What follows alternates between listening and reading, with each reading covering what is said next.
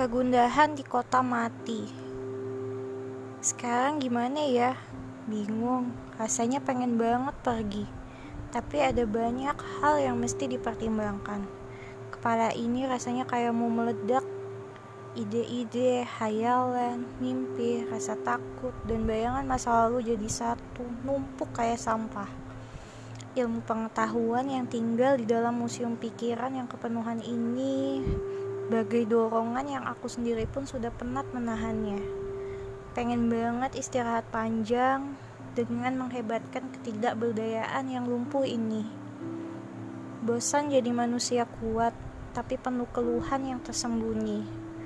Kalau aku gagal menghadapi tantangan buas kehidupan, rasanya kenapa aku masih harus menghembuskan makna di dalam setiap detik nafasku.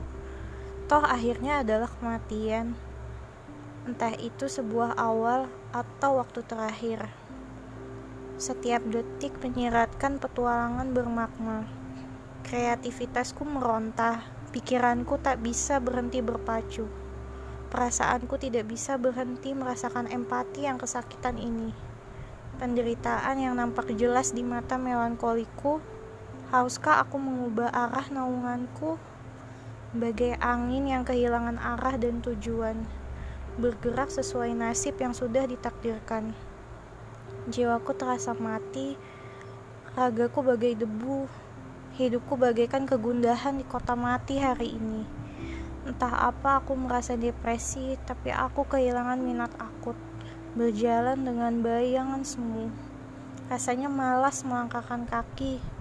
Jika saja aku telah melupakan orang-orang tercintaku, aku pasti sudah menjadi abu kegelisahan di kala malam menjelang. Kekuatan cinta bagi mukjizat yang memberiku nyawa, dan karena merekalah aku dapat bertahan sampai hari ini. Tetap menjalin hidup meski dilumuri kegundahan. Aku ingin mendengarkan kata hatiku hari ini dengan sejelas-jelasnya tanpa terkontaminasi pengaruh lain bagai penyendiri yang menyelami jati diri suci, ditemani sepi yang sunyi tersembunyi, mengandalkan kekuatan kasih yang putih pucat pasi. Meski sering kali pengertianku akan kesedihan mulai terkikis dan tersisi sedikit demi sedikit. Mungkin Lara memang diciptakan agar sukacita yang antusias tidak kehilangan makna sejatinya dan tidak menutup kemungkinan Kasih yang pucat pasi itu terlalu kelelahan berkorban untuk cinta.